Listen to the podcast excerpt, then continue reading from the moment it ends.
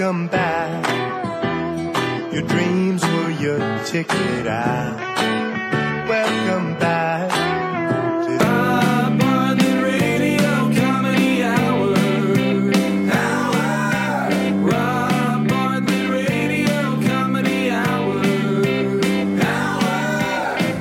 Welcome back to the Rob Bartlett Radio Comedy Hour. I am Rob Bartlett, and this is my Radio Comedy Hour. This episode begins season number three, boys and girls, and a new style and format for the program. There'll be much shorter episodes, but there'll be more of them, which will allow you to have many more to choose from. So if you're in the middle of one and aren't interested, you can jump to another one until you find one that better suits your mood. I have decided to take on the rampant attention deficit problem in our country today that seems to be. Oh, don't forget to subscribe. Now would be as good a time as any. Just click on the subscribe button wherever you downloaded this show, and you can. Oh, I have a couple of suggestions for your binge viewing habit. Two shows that you can stream. One on Amazon Prime called Fleabag. It's a it's a British show that is just fucking brilliant. It's funny and quirky and unpredictable. It's it's written and starring British actress Phoebe Waller-Bridge, uh, based on her one woman show that was, I guess, like the Hamilton of the West End. It's so popular. I think they're bringing it back. Actually, uh, the National Theater over there. She's the writer and the star, and she's punching up the script for the next James Bond movie, No Time to Die, which has to be the worst title for a Bond flick since Octopussy, which was the worst one until Quantum of Solace. But this one, No Time to Die, takes the cake. It sounds like a an episode of Columbo. Uh, one of our future episodes, by the way, is going to be James Bond themed. I just watched a documentary about George Lazenby, who was the only James Bond to walk away after one movie. It was pretty awful, um, but it was his life story, which was kind of interesting. But they reenacted it with actors, which was really kind of lame, but decent story. And anyway, we'll have more on that on the upcoming 007 episode. So where was I? Say? Oh yeah, attention deficit. See, the joke was that I, I forget it. Uh, the new season of the Radio Hour is going to be streamlined uh, and more stream of consciousness. Not stream exactly, maybe more like a brook of consciousness or a creek of consciousness uh, with more uh, of me. Because after all, my name is in the title. It's not above the title, you know, like D.W. Griffith's Birth of a Nation or Alfred Hitchcock's Rear Window or National Lampoon's Animal House. My name is part of the actual name of the show because I'm not just the auteur. I'm the creator, producer, writer, and star, which means I'm the sole author of this pro. Which I guess does make me an auteur after all. But oh, yeah, um, the other binge worthy show is on Showtime on Being a God in Central Florida. It's a dark, really twisted comedy with Kirsten Dunst. Highly recommend it. Uh, she's amazing. I won't give you any more details about it. You should go into it cold uh, so you can enjoy the surprises. Uh, it's definitely worth your time. But on to the topic of the day, boys and girls.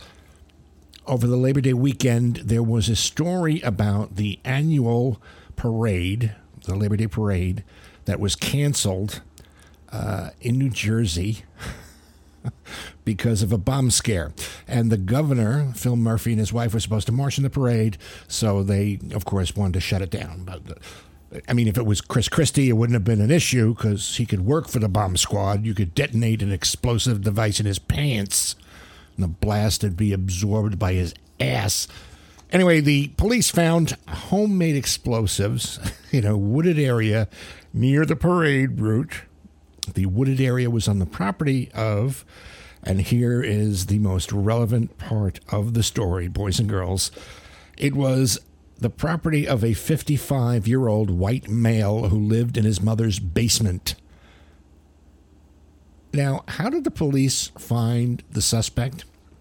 Because he was a 55 year old white man who lived in his mother's basement. Why wasn't this guy investigated before?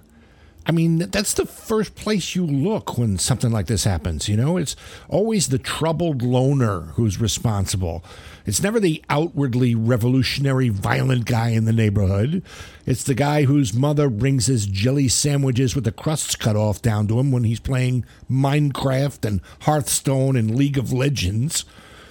He's the guy who tells the girl in the ditch, Places the lotion in the basket. What's the fucking lotion in the basket? You know, nobody ever wonders whatever happened to that poor dog.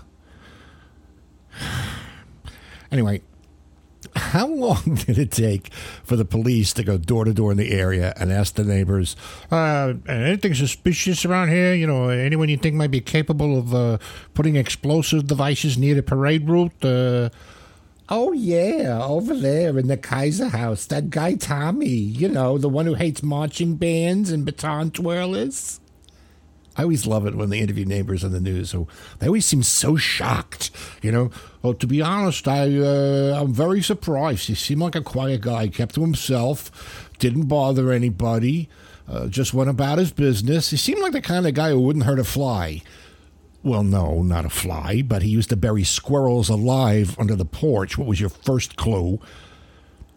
That's the thing about local news. They need to have their reporter on the scene, you know, to interview the people so they can bring some context and perspective to the story. You know, you're right there. You know, and these reporters, they're they're always the lowest rung of the news team. They're even lower than those they get on Sunday nights of holiday weekends. You know, people who you've never seen before. And these reporters are always trying to make themselves the focus of the story so that they can move up in the ranks. They uh, ask the most insipid questions. The guy who just watched his house burn to the ground, uh, how do you feel? Uh, uh, I don't know. My, my knees kind of give me trouble. My, my neck is a little stiff, I guess. Mean, what are they thinking? The other thing I love about local news teams is they're so empathetic. You know, they, they interview the farmer after he's just lost everything, you know, after the tornado. Uh, earlier this year, we had them uh, wildfires that burnt all the crops we was fixing to sell to pay for the repairs on the damage from the flood from last April. And now this tornado took out the silo and the, and the barn and, and my house. I just don't know what we're going to do now. Here's a thought move! It's a twister. It's a twister. How about cutting your losses and go buy a condo somewhere in Arkansas and sell insurance? How's that sound, old McDonald, huh? Then a reporter's got to always say something to end their little essay on the tragedy. You know, put a button on it, uh, so they have their own little clip.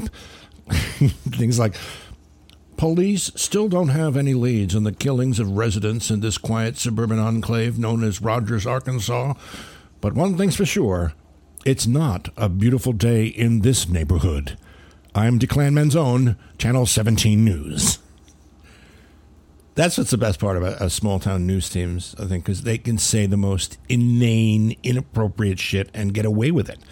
You couldn't say something like that if, for example, the serial killer was committing murders in South Plainfield, New Jersey, where the bombs were, unless, of course, it was a few months after the story.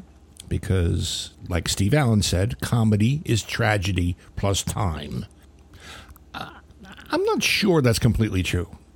Um, although uh, there was this team of psychologists uh, at some university in Colorado, I think they they looked at how people's reactions to jokes about Hurricane Sandy changed over time. They they did this chart about people's reactions to tweets from this parody account at a Hurricane Sandy from the day before it was supposed to hit uh, until uh, after four months after it struck, I think. Now, before the hurricane hit, when the danger was still relatively hypothetical, uh, people thought the tweets were pretty funny. They they gave them on average between three and four points on a one to seven scale. But when it finally hit and people experienced it and saw how much damage caused, the reactions to the humor declined. The lowest point came 15 days after the landfall, when we'd had you know over two weeks worth of footage of what had happened. But then, as time passed, it became more acceptable. The ratings climbed. Uh, it reached a peak 36 days after the landfall. After that point, it dropped off again, um, and it hit the lowest on day 99, which meant people were tired of the topic and moved on to something else. Now, I'm sure the same thing's going to be happening with Dorian. As of the recording of this particular podcast, it hasn't really hit landfall. It's still hugging the east coast of the United States. So right now we can make all the jokes we want about how the weather people are having orgasms over this story. They can't contain themselves. This is this is just it's porn, I guess, for weather reporters. Uh, but of course, if and when it does hit and there's devastation, it won't be funny anymore until you know maybe a couple months later when we can start joking about the fucking weather people again. There are some things you would think would never ever be funny. Like 9-11 for example. Uh, but then i get to thinking about the sitcom about german concentration camps in world war ii it ran for six years on cbs during the 60s little show called hogan's heroes boys and girls this you're not going to believe this one of the actors robert clary uh, he was the guy who played the french prisoner lebeau was an actual prisoner in the buchenwald camp he actually was in the Holocaust. I mean, what was the pitch meeting for that one, huh? Okay, fellas, I got it. Picture this funny Nazis. And the prisoners in the POW camp are always beating their captors at their own game.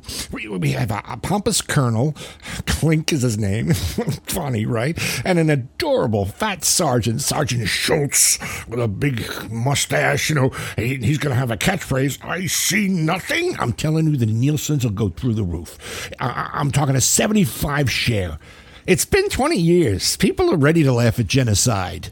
By the way, if you really want to see how to make jokes about the Holocaust, if you really want to see how it's done, Sarah Silverman's bit in Jesus is Magic, uh, is the movie she made, it's really her stand up act. Um, her piece about the Holocaust is one of the most brilliant pieces of comic writing. it's just a little taste. I believe that if black people were in Germany during World War II, that the Holocaust would have never happened. I do, you know, or not to Jews. but um, I mean, it's cringy as hell, but it also makes some really salient, really smart points. Uh, I mean, that, that's a bit that, that Lenny Bruce could have easily done. It's on YouTube. You should, you should check it out. Sarah Silverman, uh, Jesus is Magic. The whole thing is there. You know, some would say that enough time's gone by, you can look at it with some historical perspective. Some say you should never, ever joke about the murder of six million human beings at the hand of a megalomaniacal, narcissistic racist. Uh, and the key words here are historical perspective. Draw your own conclusions. But you can always still make Hitler jokes. Just ask Mel Brooks. He made a little movie, Boys and Girls, that uh, arguably is the funniest film ever made. The Producers.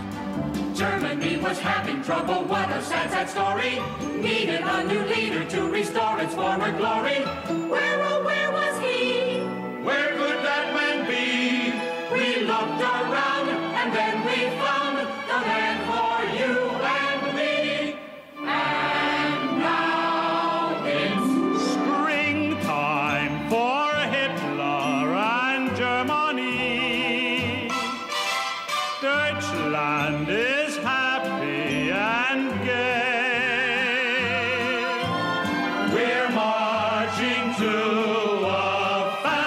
Faster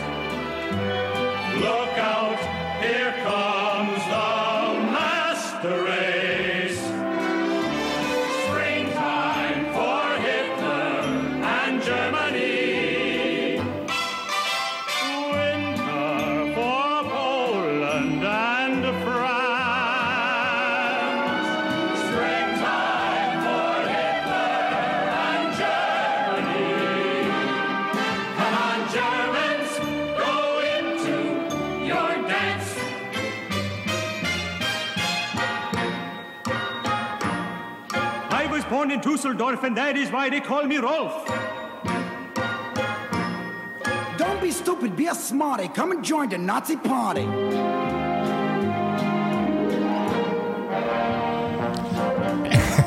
And that'll bring us to the end of the first episode of season three of the Rob Bartlett Radio Comedy Hour.